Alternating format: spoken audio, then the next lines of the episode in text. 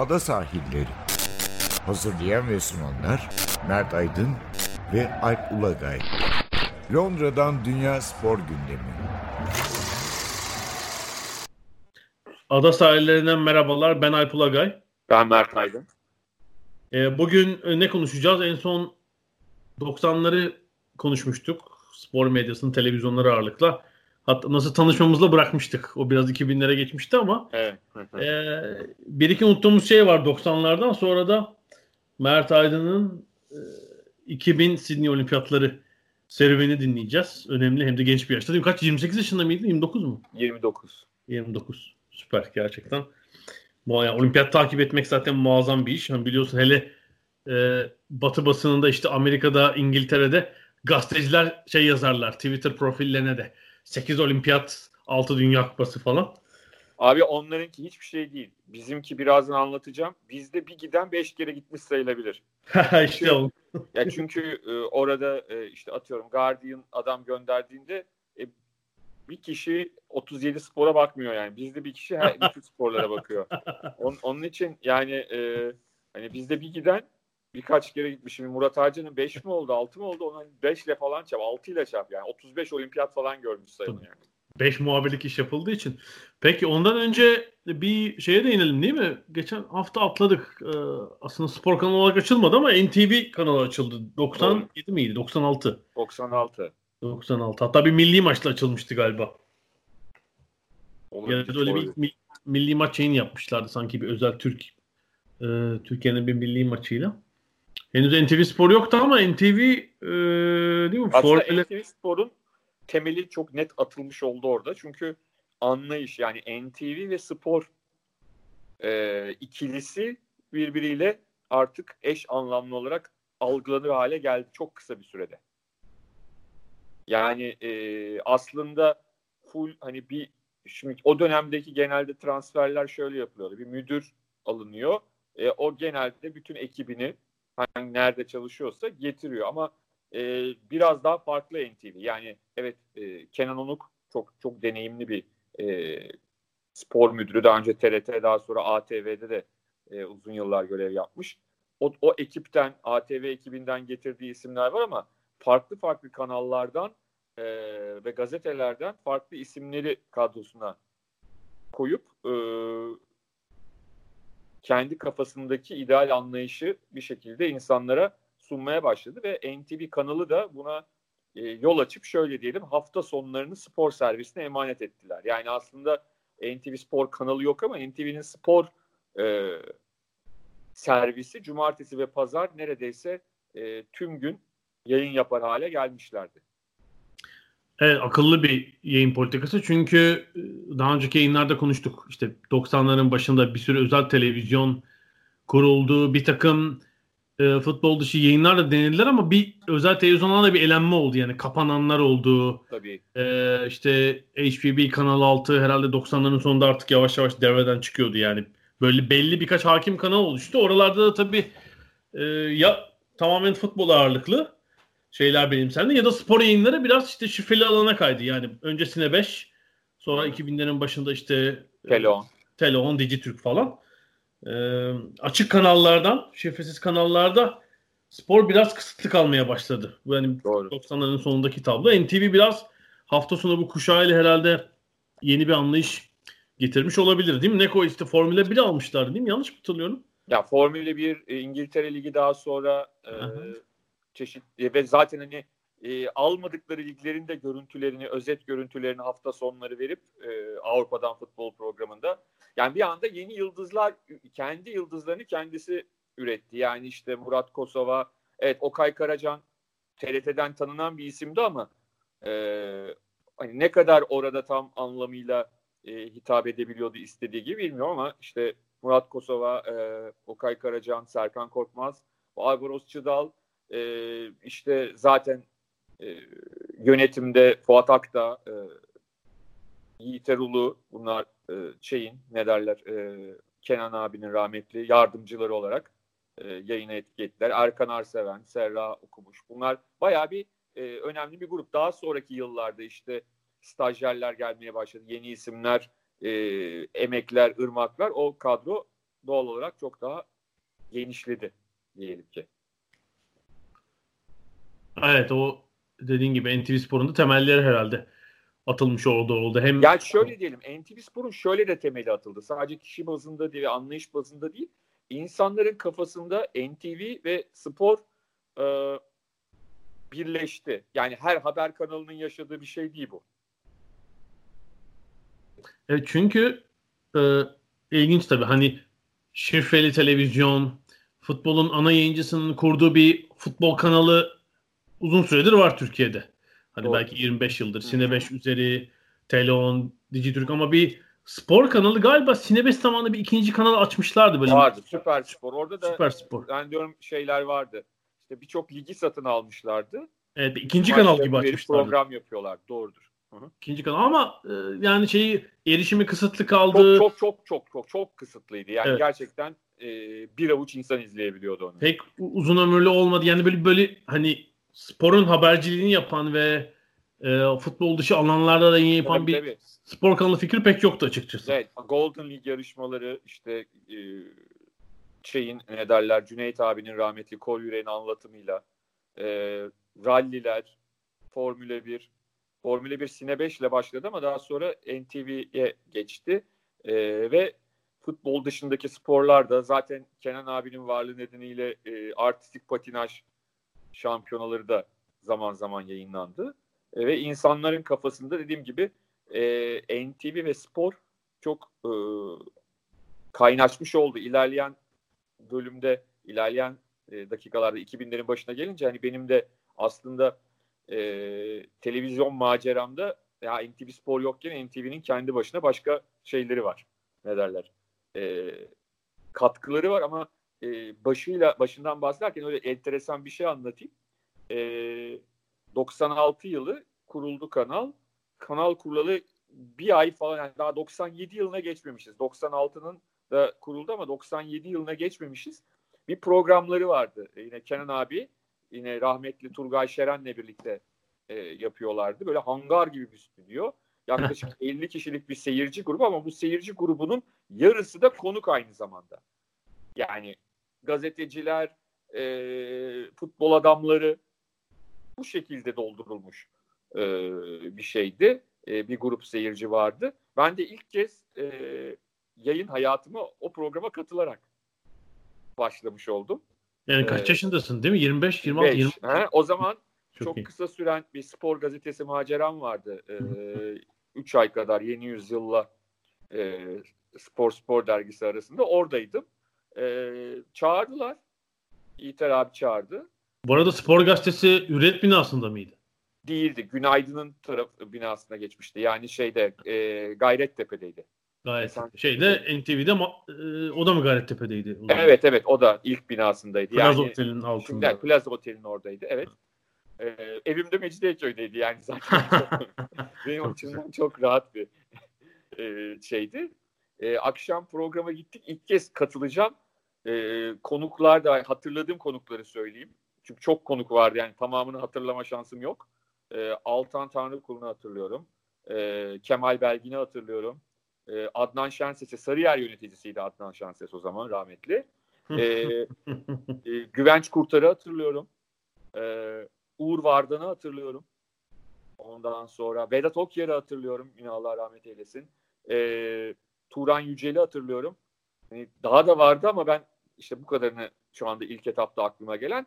Yani büyük türbündeyiz. E, şeyin sahnenin ortasında da Kenan abiyle Turgay abi hem yorum yapıyorlar sonra dönüp soruyorlar sizin fikriniz nedir diye. Şey haftasıydı onu hiç unutmuyorum. E, bu Van Beşiktaş maçı e, Vanlı futbolcunun smaç yapıp Metin Tokat'ın görmediği karlı. Ay, Aykut muydu? Aykut'tu değil mi? Aykut evet. Aykut. Evet. O, o, ha, o haftaydı çünkü topa. ben de e, bütün e, program boyunca tek konuşmamı onun için parmak kaldırıp bir yorum e, geçmişte benzer bir olay olduğunu anlatıp söylemiştim ama ne söylediğimi ve nasıl söylediğimi inan hatırlamıyorum. Çünkü o kadar heyecanlıyım ki. Ellerim titriyor, ağzım titriyor. Yani falan söyledim ama yani hani robot gibi e, bir şey hissetmeden e, benim için de ilk gerçek televizyon deneyimi bu şekilde NTV stüdyolarında oldu. İlk NTV stüdyolarında e, 96 sonunda e, gerçekleşmiş oldu. Evet tabii yani hani gerçekten işi bu olan televizyoncu olan işte TRT'den Hı. eğitim almış olan kişilerden falan farklı tabii televizyona çıkmak yani tabii, hele ya, tabii canım. başta e, bir heyecanı oluyor seyirciyi görmesen de. tabii ki tabii ki tabii ki. Yani e, olmaması mümkün değil. Hani bir süre sonra tabii o zaman bilemiyorum. O ondan 10 e, yıl sonra geldiğimizde günde birkaç saat canlı yayına çıkan bir insan haline geleceğimi o sırada bilmiyordum tabii ki. e, ve yani ilk, başta çok zor. Çünkü şimdi e, o zamandan farklı. Şimdi hani daha çok böyle insanlar kendi kendilerine YouTube videoları çekiyorlar, onu çekiyorlar, bunu çekiyorlar. E, ben hani yıl, daha sonraki yıllarda böyle ne olacak canım ne olacak ben çıkarım deyip çıkıp nutku tutulan çok insan gördüm televizyonda. Yani çok kolay bir iş değil yani onu ifade etmek lazım. YouTube çekmeye de benzemiyor. E, çünkü orada e, hani YouTube çekerken biraz şey gibi yani yani o anda düşünemiyorsun hani bin, yüz binlerce insan seni izliyor olabilir, binlerce insan izliyor olabilir. Ya inan çok hissetmiyorsun ama şey öyle değil yani televizyonda o kamerayı karşında o kırmızı ışığı gördükten sonra e, bir, ilk çıkmak e, hakikaten çok çok çok çok farklı bir e, duygu yani onu çok net söylemem lazım. Evet işte belki YouTube bugün bunu daha o zaman tabii hani televizyon özel televizyonlar çıksa bile hala oraya erişmek yani bir e, kısıtlı Doğru. Yani başına gelen bir durumdu. Yani kimse alınmasın üzerine ama günümüzde son 10 yılda diyelim hani televizyona çıkmak da kolaylaştı. Yani kimse alınmasın üzerine ama e, ya o dönemde hakikaten oraya çıkmış olmak inanılmaz bir nimetti yani. Çıktım falan oldu hani şey gibi herkes abi çıktın işte aa ne dedin öyle falan. Yani bir gün sonraki yani bunun e, şeyi ne derler buna insanların tepkisi inanılacak gibi değildi. Tabii. bir dakika çıkmış konuşmuşum değil yani. O kadar şey yok. ki mesela NTV bir büyük kanal değil hiçbir zaman olmadı bir haber kanalı yani bir işte Kanal D, Show TV, ATV değil. Ona rağmen oranın etkisini bir programın etkisini sen çok iyi fark etmişsindir herhalde. Tabii ben asıl biraz sonra anlatacağım. 2004'te o etki çok daha farklı noktalara geldi. Yani bu dediğim gibi çok başı. Ee, belki de beni izleyenlerin çoğu beni unuttular o şeyden sonra. Hı hı. E, programdan sonra. Yani ondan sonra 4-5 yıl ben televizyonda herhangi bir program yapmadım. E, yani sonuçta gazetelerde gazetede imza görmeleri lazım beni tanımaları için. Evet tabii. tabii. E, ama o benim için çok e, acayip bir deneyim oldu. Öyle söyleyelim. Kısa mı? Öz. evet. Peki e, 2000'leri olimpiyata bağlamadan ben şöyle bir şey yapayım. Sen arada bir Super Online'da çalıştın kısa bir süre. Doğru. O zaman Super Online'ın bir yani Super Online evet. internet servis sağlayıcı olarak hala var ama o zaman bir değil mi haber sitesi falan vardı. Doğru. Ee, bir grup gazeteciyi e, aldılar, e, transfer ettiler. Ben Yeni Yüzyıl'dan gittim. Hı hı e, ve orada siteyi kurduk. E, ben spor editörüydüm. İşte haberin başında Nevzat Basın vardı kulakları çınlasın. O da işte böyle radikalden falan gelmişti hani büyük bir şeyle. Hı hı. Ee, onun e, güzel bir ekibi vardı. Genç gazetecilerden oluşan e, iyi bir ekibi vardı. İşte e, müzik grubu vardı. E, müzik editörü, editörü vardı. Sinema editörü vardı. Farklı farklı. E, güzel bir şey oluşmuştu. Bir içerik sağlayıcı oluşmuştu ve güzel bir site yapılmıştı. E, yani benim için açıkçası e, gerçekten güzel bir deneyim oldu. Yani hem internetin gücünü görme açısından bu çok önemli. Yani hani orada gittiğimizde e, Super Online tekti. Yani Türkiye'de. Hatta şöyle hani reklamı şöyleydi. internet eşittir Super Online hatırlarsan. Vardır. Yani rakipleri vardı aslında o zaman servis sağlayıcı olarak ama çok, e, Türk, e, Türk.net vardı. İşte evet. Doruk.net bir takım şeyler vardı. Ben vardı ama çok ciddi bir e, pastanın çok çok büyük bir bölümü onlardaydı. İlginç bir şekilde benim hala çok eski, eski bir aboneliğim sürüyor yani. Kaç evet. sene oldu? 22-23 senedir var herhalde. Tabii benim Bunun ilk internet hesabım oradandı. Hatta daha işe girmeden hani işe girmeden bir internet hesabı açmıştım. Ee, ama şey ne derler yani dediğim gibi çok e, ufuk açan bir şey oldu. Zaman zaman anlaşmazlıklar oldu. Yani sonuçta gazetecilerle e, IT'ciler arasında zaman zaman birbirini anlamamazlık çok normal olabilir. E, hani bu kavga anlamında değil zaman zaman birbirimizi anlayamama anlamında e, sıkıntılarda yaşamadık değil ama e, güzel yani 98 Dünya Kupası'nda oradaydım. Özel bir site yapmıştık. 98 Dünya Kupası'nı mesela Super Online'da geçirdim. İşte 99 başında e, sabaha geçtim. Yaklaşık bir buçuk yıl kaldım şeyde e, Super Online'da. Ama oradayken de zaman zaman yeni yüzyıla bir takım yerlere yazılar yazıyordum. Hani çok da acayip e, dışında kalmamıştım. E, ama sonrasında çok uzun sürecek bir sabah macerası başladı. E, spor gazetesi or- orada ne kadar kalmıştın? Sporda iki buçuk üç ay kadar. Ha, anladım. Sonra yani bir geçmiştim. Evet. aslında günlük gazetede böyle Tabii. asıl Abi büyük sabahta diyebiliriz. Evet. Yo, tempo bir anda beni bitirdi. Çünkü şimdi aylık dergide uzun yıllar çalışınca yani onun temposuyla gazetenin temposu arasında tabii fark inanılacak gibi değil yani. Hani Kaplumbağa ile Hüseyin Bolt farkı var. Yani, yani ben- şimdi elbette mesleğin içine olanlar biliyorlar ama hani e, dışına olanları hatırlatalım. Gazetecilerin normalde haftalık çalışma gün sayısı 6. 6 Hem o- buna karşılık o var. O da başka- yani bayağı buna karşılık başka avantajları vardır. İşte yıllık izinleri daha çoktur. tabii. meslek kıdemleri vardır ama e, ağırlıkla günlük gazetede çalışanlar hani bir özel bölümde değillerse 6 gün çalışırlar. Hatta Tabii. spordaysa bildiğim kadarıyla bu izinler o tek gün izin de hafta içi kullanılır mesela. genelde öyle olur Hı. ve bazı günlerde maçlar dolayısıyla e, bitmeyen günler olur. Yani o 6 günün bir 3'ü 4'ü hani sabah başlayıp gece geç saatlere kadar süren mesailerle oluşuyor. Ve ben bu tempoda e, üçüncü haftam falandı galiba gazetede iflas etti vücut yani. Direkt 2-3 gün işe gidemedim yani. Hatta kulakları çınlasın. Hı. E, İlhan Uzundurukan o zamanki işte spor gazetesinin genel yayın yönetmeniyle yani dalga geçti yani espri yaptı yani hani şey yapamadım diye. Hani tempo, tempoya alışamadım diye.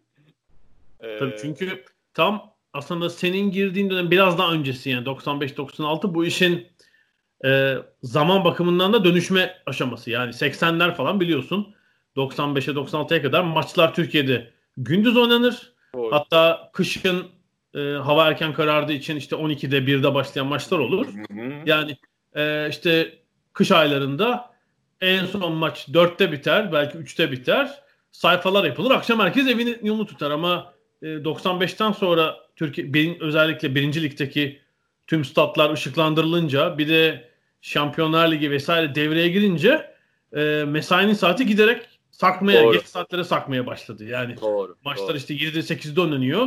E, Doğru. 7'de oynanan maç ne kadar çabuk olursanız olun işte 9'da bitecek. E, bir saatlik işi var şehir baskısı için. Bir de bunun taşlası falan. Tabii Ee, yani e, oradaki görev dağılımındaki göreviniz de önemli. Mesela e, sayfayı oturup e, sayfayla yazanlar var, gazeteden yazar alanlar var telefon açıp. Hele 90'lı yıllarda 2000'lerin başında öyle şey yok. Kimse oturup yazıp sana yollamıyor. Sen telefon açıp alıyorsun telefondan yazıyı. Yani bu tip e, şeyler de var. Hayli yıpratıcıydı dediğim gibi. Ama e, yani o aslında benim için iyi bir idman oldu. Yani çünkü yeni yüzyıla geçince de doğal olarak e, orada da yıpratıcı bir tempo vardı aynı şekilde. Ama oraya ben hazırlıklı gitmiş oldum. O 3 ay bir anlamda e, idman yapmış oldum yani. Evet. Spor gazetesinde. E, sabahta da tabii benzer tempo vardır. Ben spor servisinin nasıl çalıştığını Hı hı. biraz kenarından gözlemleyeyim. Çünkü ben hiç spor servisinde çalışmadım. İlginç yani. Alanım bu olmasına rağmen e, günlük gazetede spor servisinde çalışmadım ama özellikle Habertürk'te hem yan e, bölümdeydim yani fiziki olarak yakındım hem de işte oraya köşe yazıyorum ekstra haber yapıyorum falan yani çalışma biçimlerini çok yakından izledim hani bilmeyenler için hatırlatmak isterim mesela hani şey bakılır gazetedeki diğer departmanlar mesela top, gündem toplantılarını daha erken yaparlar herkes işe biraz daha erken Doğru. gelir spor ama özellikle bu dediğim gibi e, son 20 yılda e, futbol gece oynanmaya başladığından beri spor servisleri biraz da öğleye doğru gelirler işe.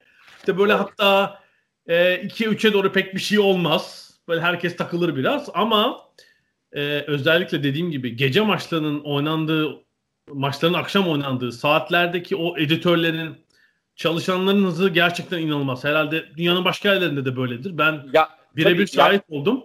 Evet. Yani maç oynanırken o sayfa kurulur ama bitmesine yakın ikinci yarının ortasından ma- ve maç bittikten sonraki yarım saat bir saatteki hız o sayfayı yapma kurma hızı gerçekten inanılmaz editörlerin hızı.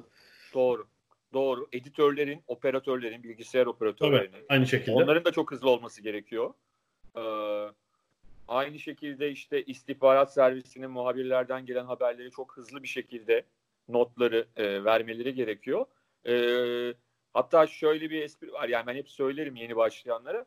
İlk gazeteye başladığınız gün e, spor servisinde ilk günler saat işte 4-5 civarı geldiğinde çünkü akşam 6.30-7'de işte ya taşra maç yoksa evet. Taşra işte eskiden Almanya baskısı şudur budur vardı. Hiçbir zaman bitmeyeceğini düşünürsünüz. Ya bu nasıl bitecek? Hiçbir şey dolmamış, hiçbir şey yapılmamış.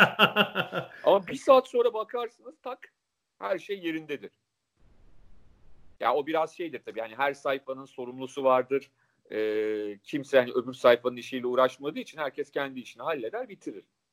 Ama tabii ki bazı sayfa yani buradaki en büyük sıkıntı şudur. Tam sayfa gidecek bir haber beklenir. Bir haberin bir not bir şeyi o o sayfalar çok sıkıntılıdır.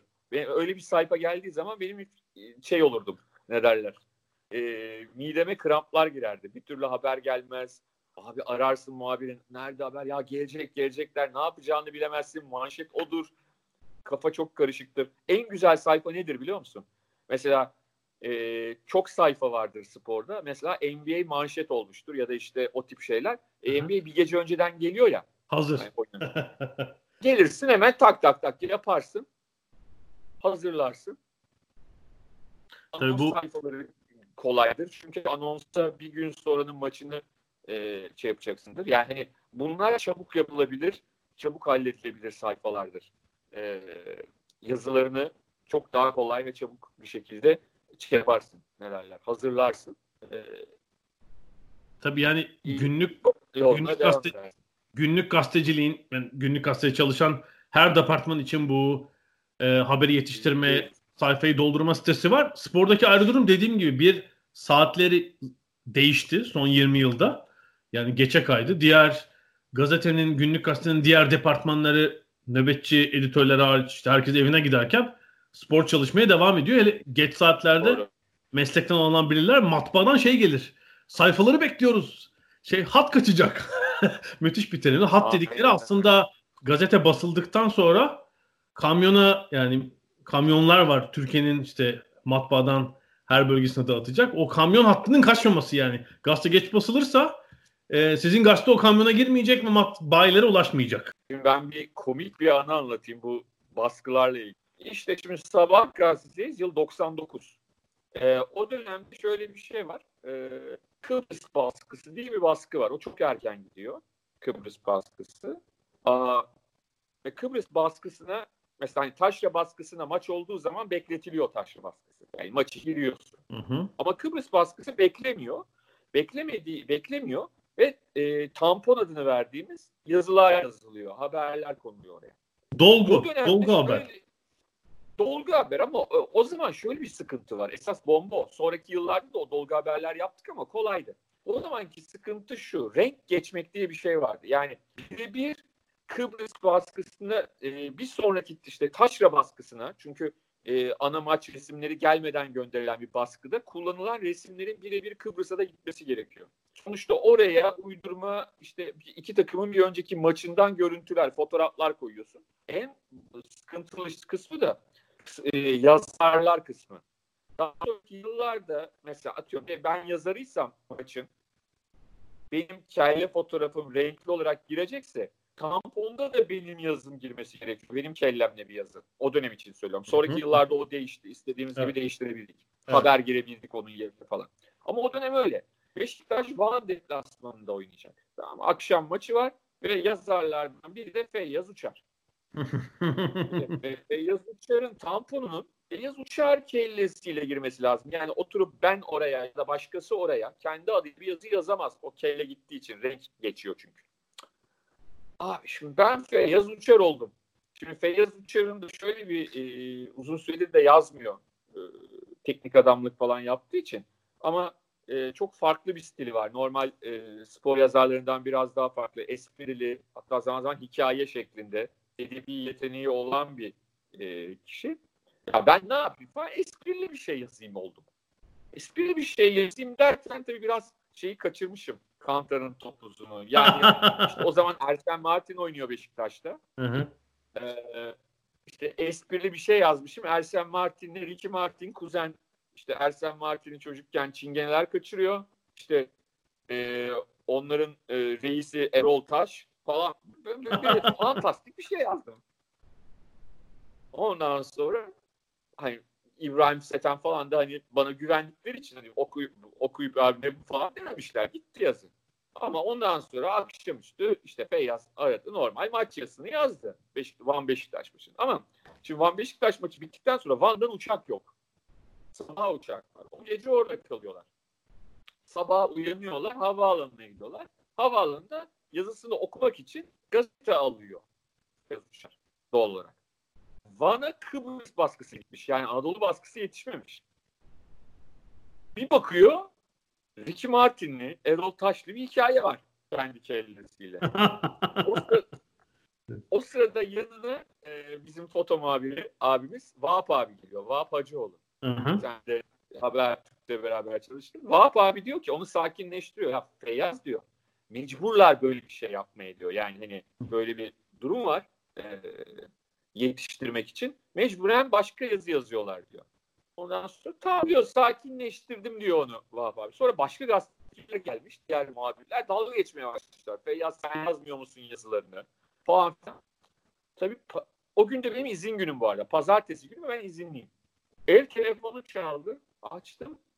Kulakları çınlasın. Volkan üstü yıldız alıyor ama kalk arıyor ama kahkaha atıyor. Diyor ki Feyyaz istifa Feyyaz diyor e, senin yüzünden istifa edecek diyor. Ne alaka dedim. Aramış İbrahim Setin'e geliyorum istifa etmeye.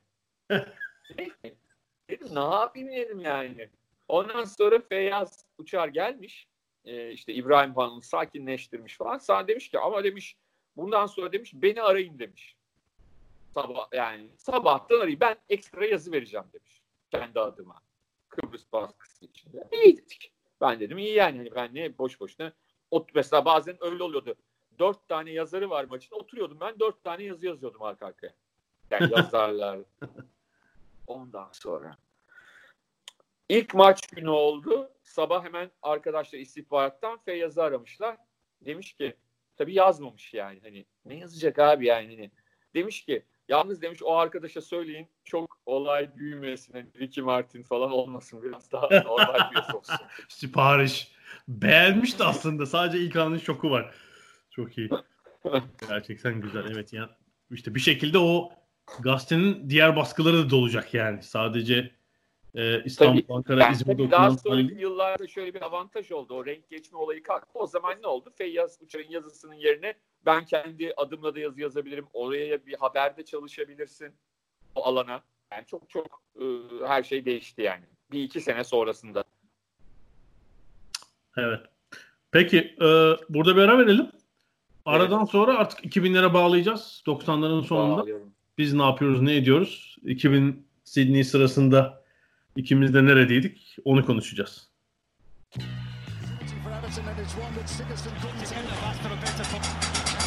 Ada sahilleri. Londra'dan Dünya Spor Gündemi.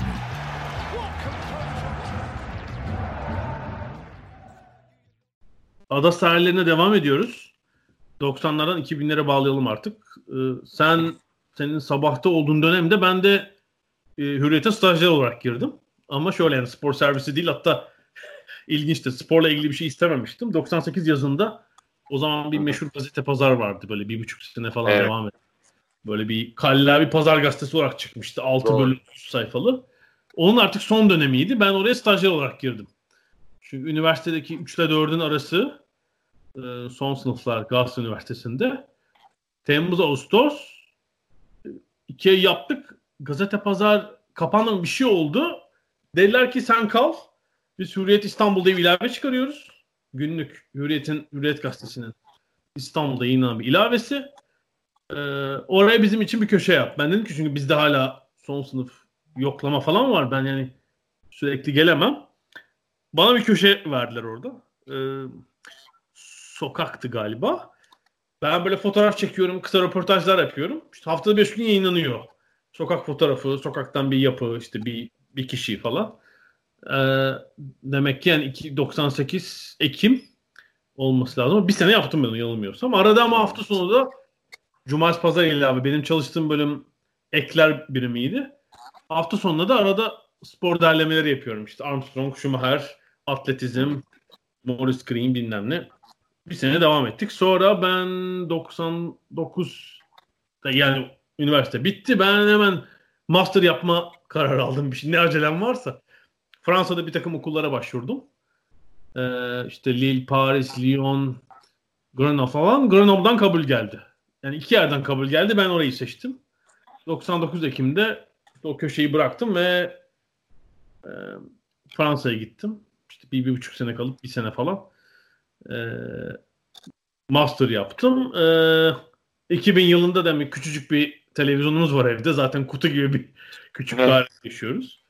E, küçükte bir televizyon var. Yani öyle çanağımız falan yok. İşte Fransa'da açık kanal ne varsa 1, 2, 3, 4 kanal bir de Kanal Plus tüm belli saatleri açıktı galiba. İşte oradan şey izlemeye çalışıyoruz. Sınırlı bir internetimiz var.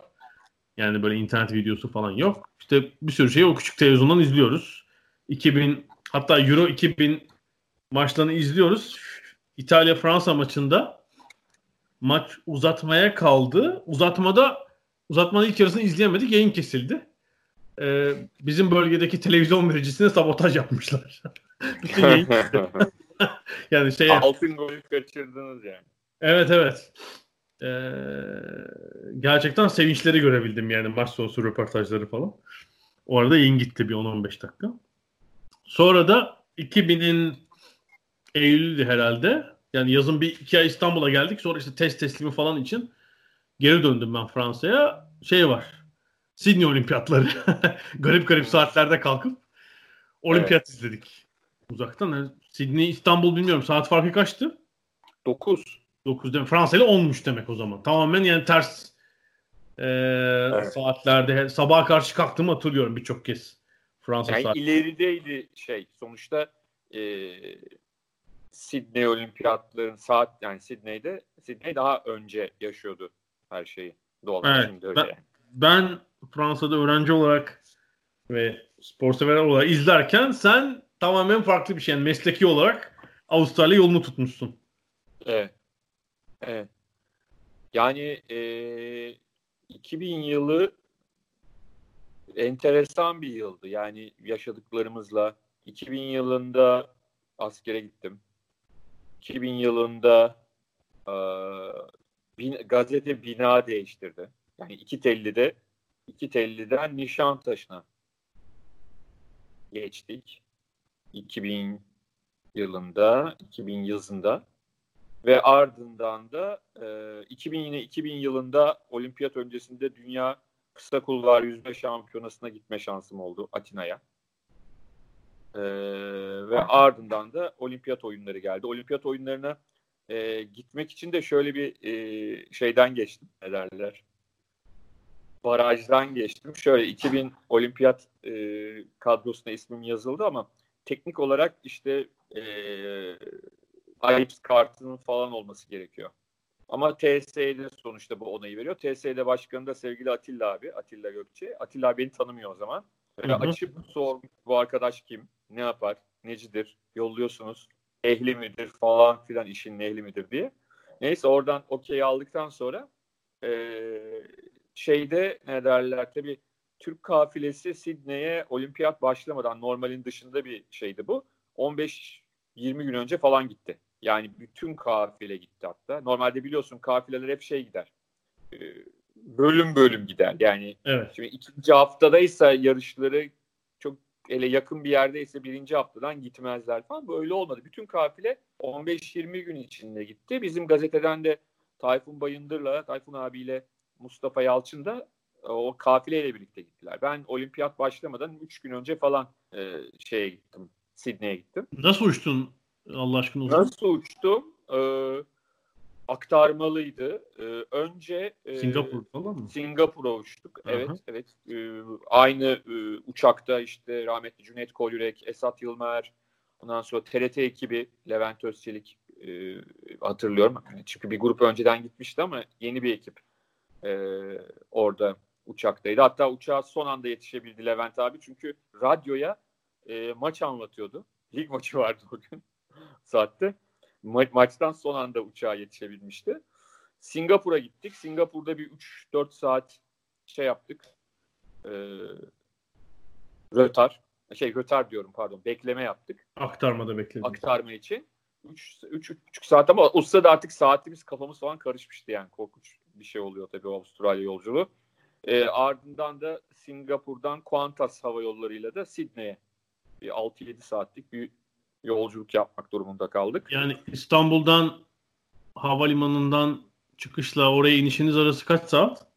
Hatırlıyor Vallahi bir günden fazla herhalde. Yani normalde çünkü dön, dönüşü dönüşü kafileyle tek uçak yaptık.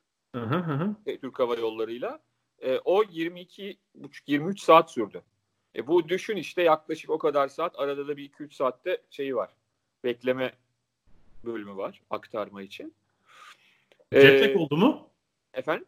Jetlag olmuş muydu? Valla artık jetlag metlag ama onu e, şöyle bir akıllık yaptım. Sabah 6 falan da Sydney'e indiğimizde Sydney saatiyle. Ben e, gittiğimde basın köyüne Tayfun abiyle Mustafa kesinlikle yatmıyorsun dediler. Ben akşama kadar dolaştım.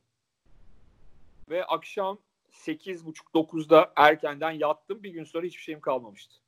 Yani çünkü 6'da geldiğimde hemen basın köyüne gelip odada yatsaydım muhtemelen birkaç gün jet lag'den kurtulamayacaktım.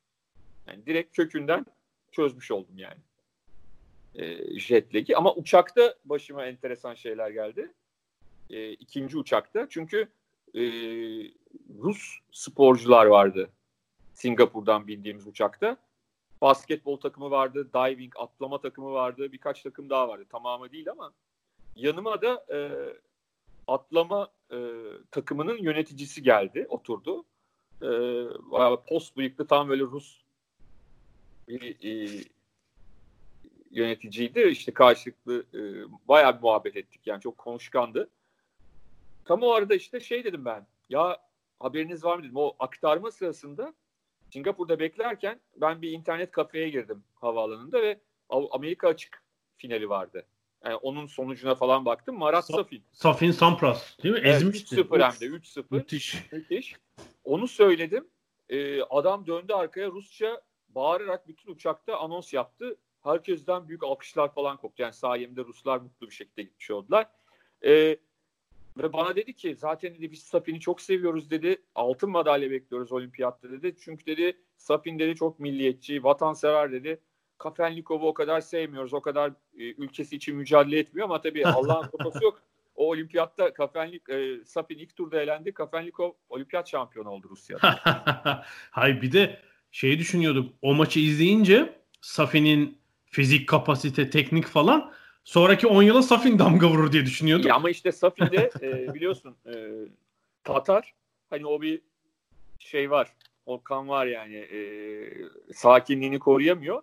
Zaten onun maçı da çok komik oldu. Ben koştura koştura işte şey aralarında işte değişik her yere koşturuyoruz ya. Tek avantajı vardı Avustralya'da saat farkı. Yani o saat farkı muhabirler için büyük avantajdı.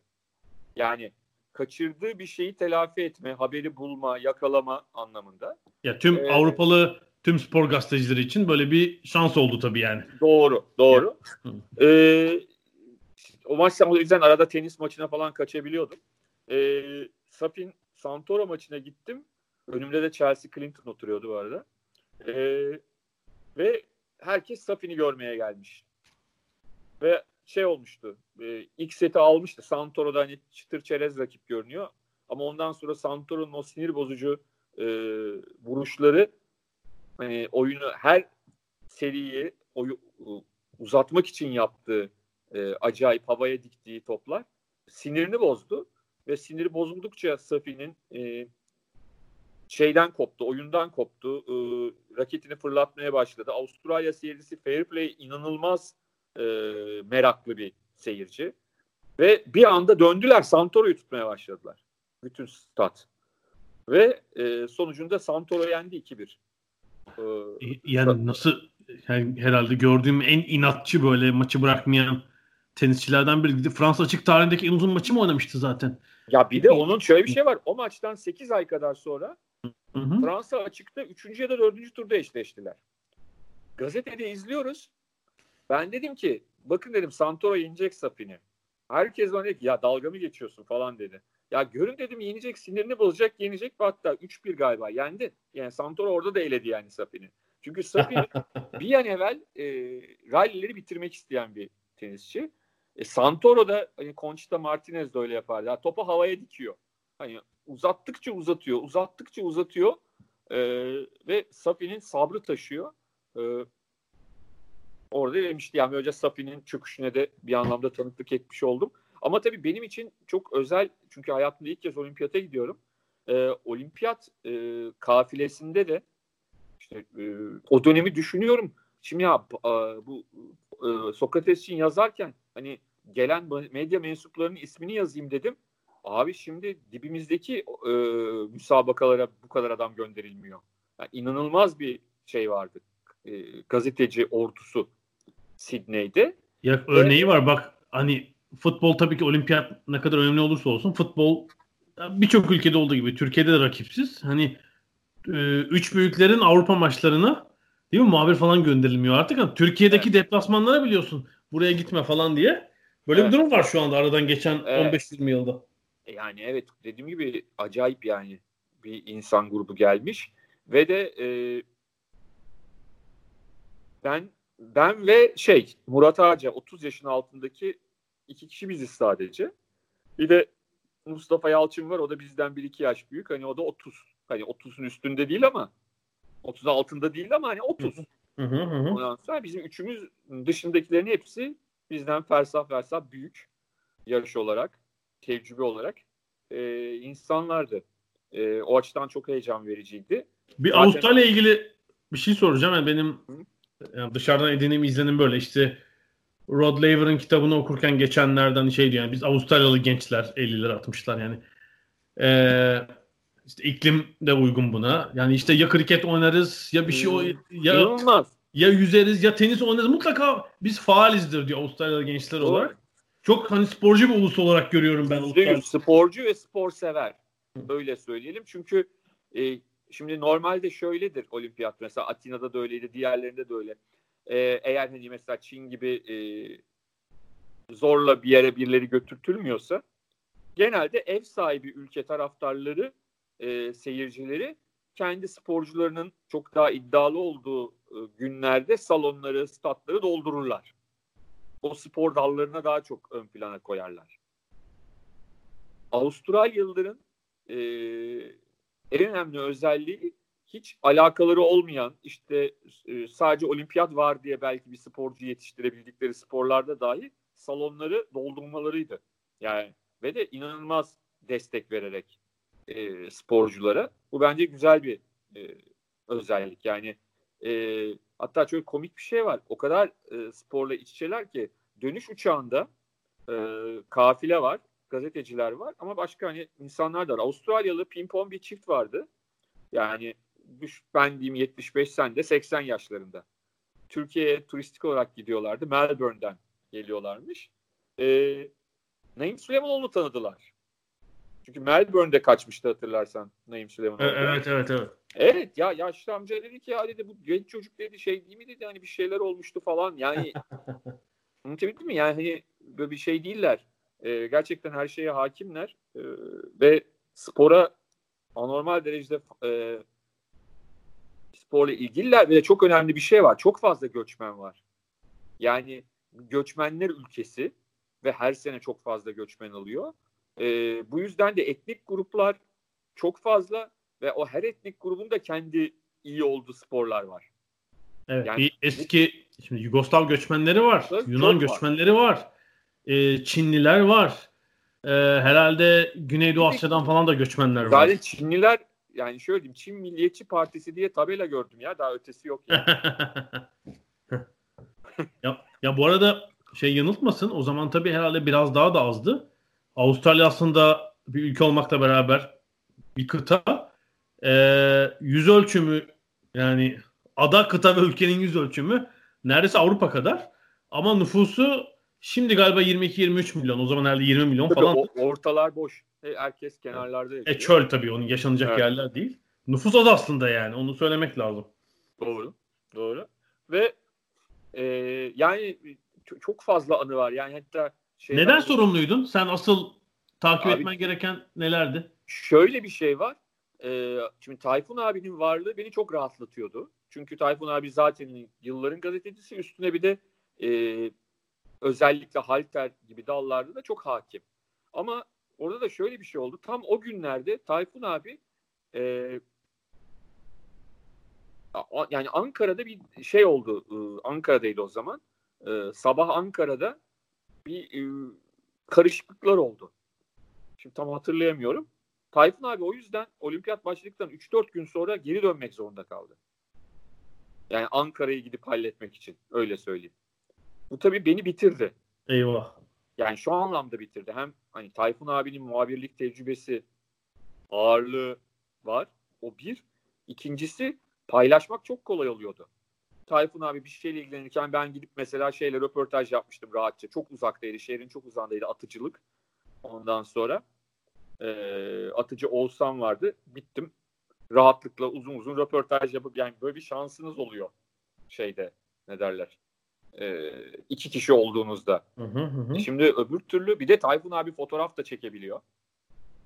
O zaman ben Mustafa ile birlikte bir yerlere gitme şansına sahip oluyorum falan. Tabii ki e, zorladı yani. Hani bu zorlamadı diyemeyiz. Ama o saat farkı orada birazcık e, faydalı oldu diyebilirim. O sayede bazı şeyleri. Yani çünkü her şey yan yana değil.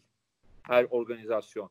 Her organizasyon yan yana olmadığı için bazen biriyle e, bir şey mesela boksta bir tane sporcumuz var o gün ve ilk tur maçına çıkacaksa o gün işte halterde bir şey varsa halteri tercih etmek zorundasınız. Yani öbürüne gidecek vakit yok. Ve sadece birinci tur maçı diye onu mesela eliyorsunuz. Hı hı hı. Yani bu tip e, şeyler yapmak zorunda kalıyorsunuz. Yani Peki çünkü tabii ben izleyici olarak yani bir e, spor sever olarak yani atletizm, yüzme oralara dikkat ediyorum. Mesela atletizmde işte olimpiyat stadına yüzme yarışlarına gittin mi? gittim tabii. Ha? E, şöyle bir şey vardı. Yüzme bir- e, yani ben Atina'ya da gittim. Atina'da öyle bir şey yoktu ama Sydney'de şöyle bir şey yapmışlardı. Yüzmenin tüm e, yüzmenin tüm akşam seansları ve atletizmin belli 100 metre finalinin olduğu gibi bir 2-3 günü e, herkesi almıyorlardı stada. Hı hı. basın merkezine, basın e, tribününe. Önceden işte e, şeyden özel her ülkenin kendi şeyi vardı. İşte e, basın şefi bizim de Esat abiydi. Hı hı Esat hı. Ondan belli sayıdaki şeyden davetiyeden alıp girebiliyordun. Yüzmenin her akşamı öyleydi. E, ben de eğer başka şeylerle çakışmıyorsa mümkün olduğunca yüzmenin hemen hemen yani her gün olmasa bile e, önemli bir kısmına gide, gidebildim. E, çünkü zaten çok fazla da talep gelmiyordu e, bizim şeyden, Türk kafilesinden. 2-3 kişi ya işte Murat Ağcan'ın geliyordu, ben gidiyordum. Nejat Kök'ün bile geldi olan atletizm uzmanı olarak biliriz ama biz Nejat abiyle yüzme de izledik yani. Hani sonuçta e, farklı bir şekilde. E, atletizmde de belli günler e, şeyliydi, davetiyeliydi diyeyim. Öyle söyleyeyim. 100 metre falan filan diye. Ama sağ olsun Esat abi e, o konuda çok e, Ayıps'te de üst düzey bir e, şey olduğu için e, yetkili olduğu için artık Ayıps Başkanı da Togay abiydi. Togay Bayatlı. Hani biz birazcık o konuda istersek şeyi aşabiliyorduk. E, kontenjanı çaktırmadan oradan buradan davetiyeler bulunabiliyordu. E, atletizmde her güne gidemedim maalesef. Çünkü dediğim gibi başka şeylerle çıkıştığı zaman gitme şansınız olmuyor.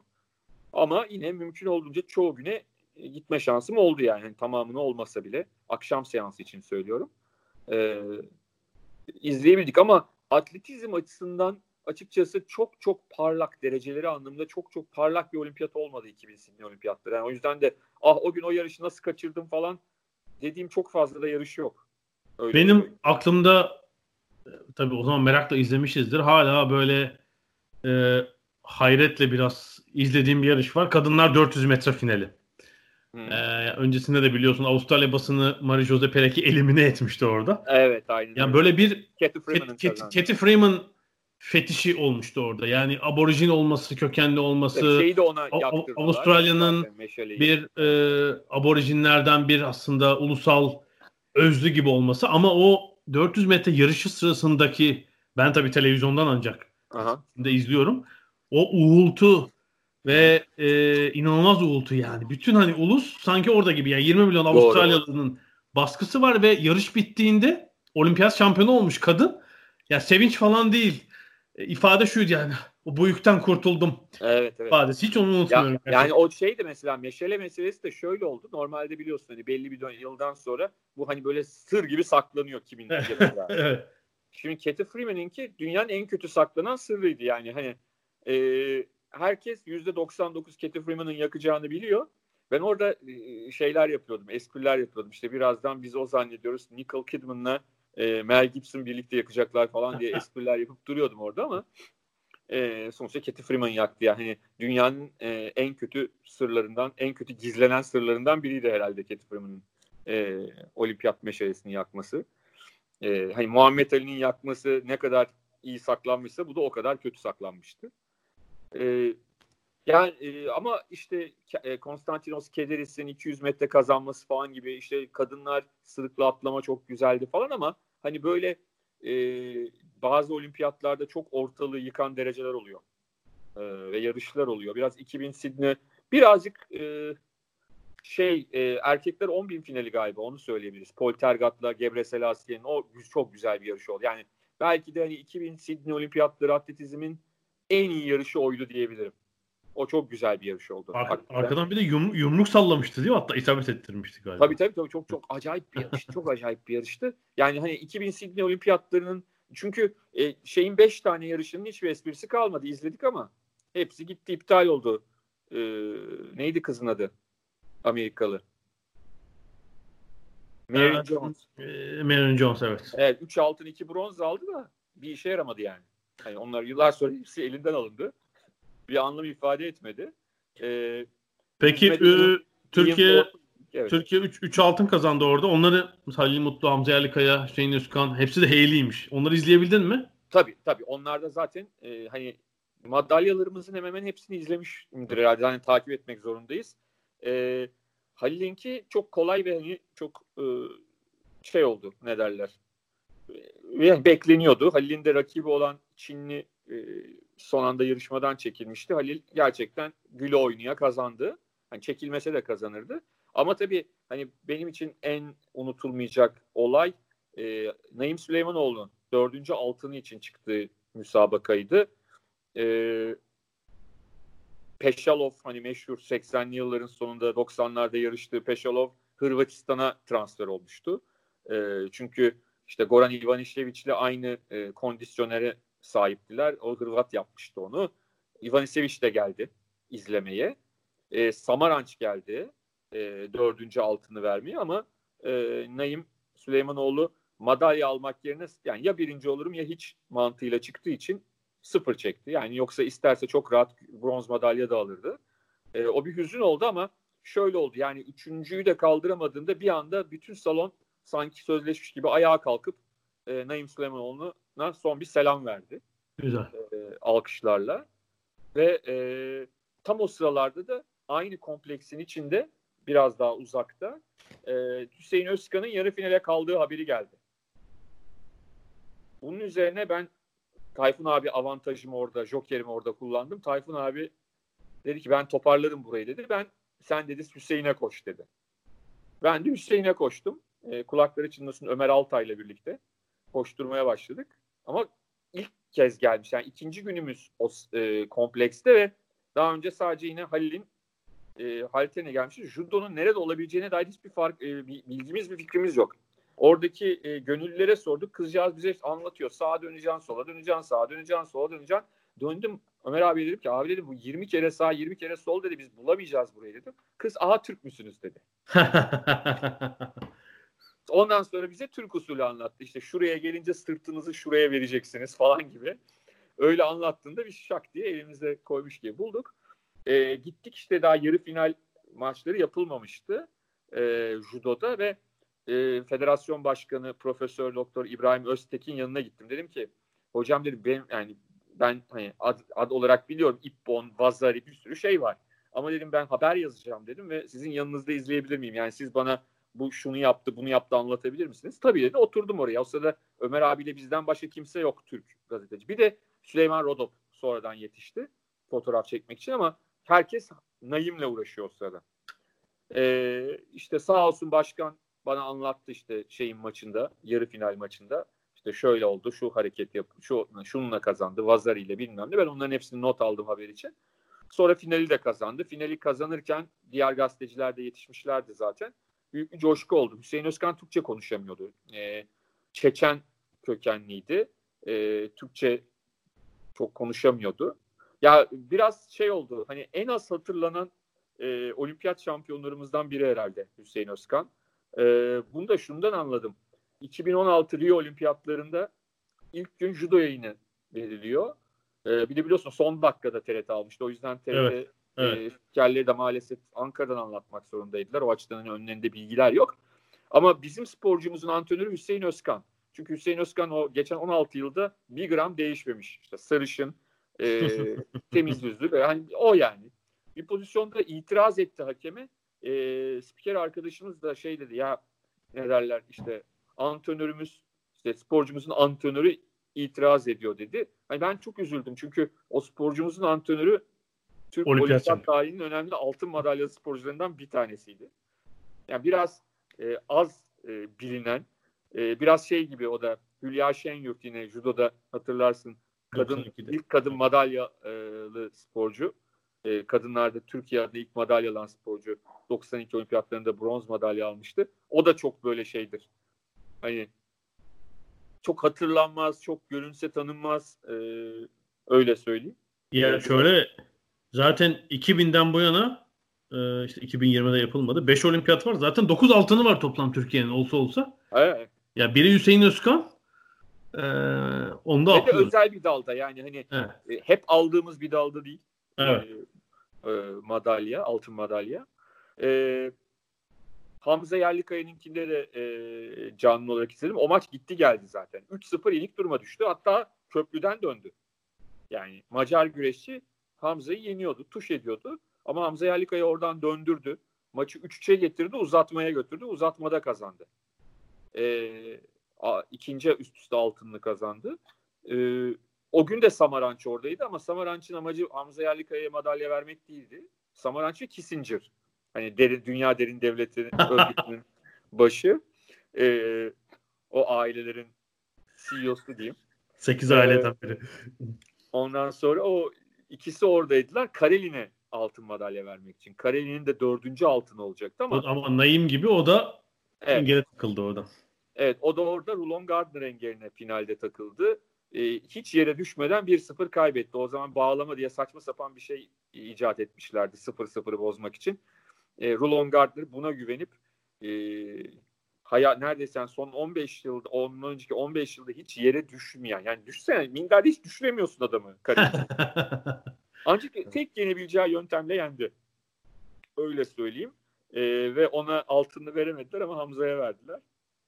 Süpermiş gerçekten. Samaranç uğursuz geldi zaten. Toprağı bol olsun. Zaten olimpiyat sırasında karısını da kaybetti. Yani adamın böyle bir e, üzerinde uğursuzluklar geziniyordu. E, Naime geldi olmadı. Kareline geldi batırdı. E, hedefi Redgrave'di. Steven Redgrave'in 5. altını için kürekte. Onda da trafik sayesinde e, son anda tam Redgrave ve e, ekibi finişi birinci olarak geçerken tesislere ulaşabildi.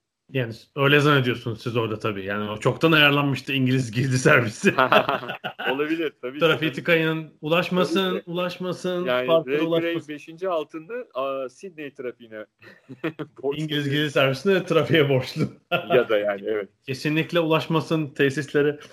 Ya, çok iyiymiş. Evet yani 20 yaşların sonunda bir de benim aklımda hani e, iyi organize edilen bir olimpiyat olarak kalmış. Gerçekten çok önemli bir tecrübe. Yani hatırlatalım. Mert Aydın Sokak Test dergisinin Mayıs sayısına da Sydney izlenimlerini 20 yıl sonra yeniden yazdı. Evet bir kısmını yazabildim. Yani dediğim gibi yazdıkça yeni şeyleri hatırlıyorsun. Çünkü bazı şeyleri unutmuşum ama e, sonra hatırlıyorsun. Yani bir şey başka bir şey yazarken onu hatırlıyorsun. Sonra baktım e, Cenereler beni e, öldürebilir. Kafama e, kurşun sıkabilir daha fazla yazarsam diye. Yolladım. E, sayfa sayısını arttırdılar galiba. Yazının sayfa sayısını ama işte bir şekilde e, hallettik. Tabii benim için e, bambaşka şeyler oldu. Aslında e, o, olimpiyat oyunlarında işte se, rahmetli Cüneyt Kolyek'le tanışma şansına sahip oldum. O güne kadar tanışamamıştım. Hayranı oldum bir kişiydi. E, Cüneyt abinin de kendine has bir tarzı vardı. Yani Cüneyt abi e, hani olimpiyat olunca, atletizm olunca herkes onun yanına gidiyor. Hem uluslararası hem ulusal medyadan. Ve e, kendi içinde bir doğal olarak e, bir duvar örmüştü. Yani öyle her gelene aynı samimiyette davranmıyordu. Bunu sonradan fark ettim tabii ben. Yani gerçekten hani o anda işini görmek için mi onun yanına geldin? Gerçekten atletizmi sevdiğin için mi sohbet ediyorsun?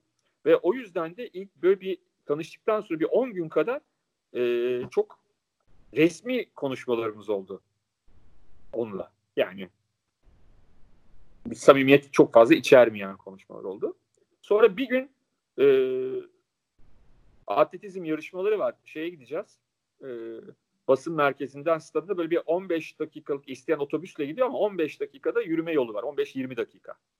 Havada güzel. Geldi dedi ki Mert dedi hadi gel beraber yürüyelim dedi. Ben orada sınıfı geçtim. Yani o tamam artık. yani 10 günde önce hani benim sayım ondan sonra e, aramız çok iyi oldu tabii yıllarca vefat edene kadar.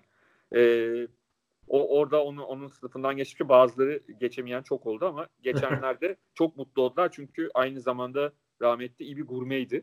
E, onu takip edersen gittiğin şehirde, organizasyon şehrinde e, en iyi yerde, en e, parasal olarak da çok zorlamayacak ve en iyi yemeğin verildiği yeri o bilirdi, öğrenirdi ya da ilk kez gidiyorsa şehre önce uğraşır birkaç deneme yapardı. Sonra çağırırdı hadi gidiyoruz diye.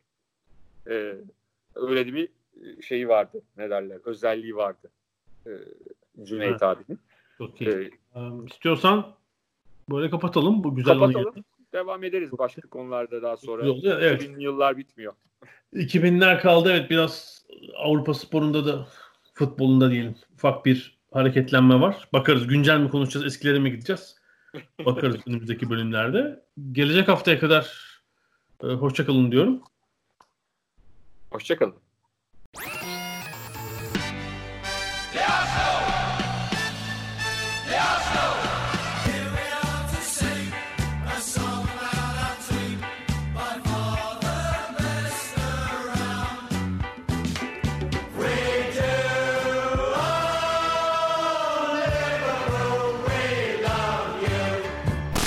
Ada sahilleri. Hazırlayan ve sunanlar Mert Aydın ve Alp Ulagay. Londra'dan Dünya Spor Gündemi.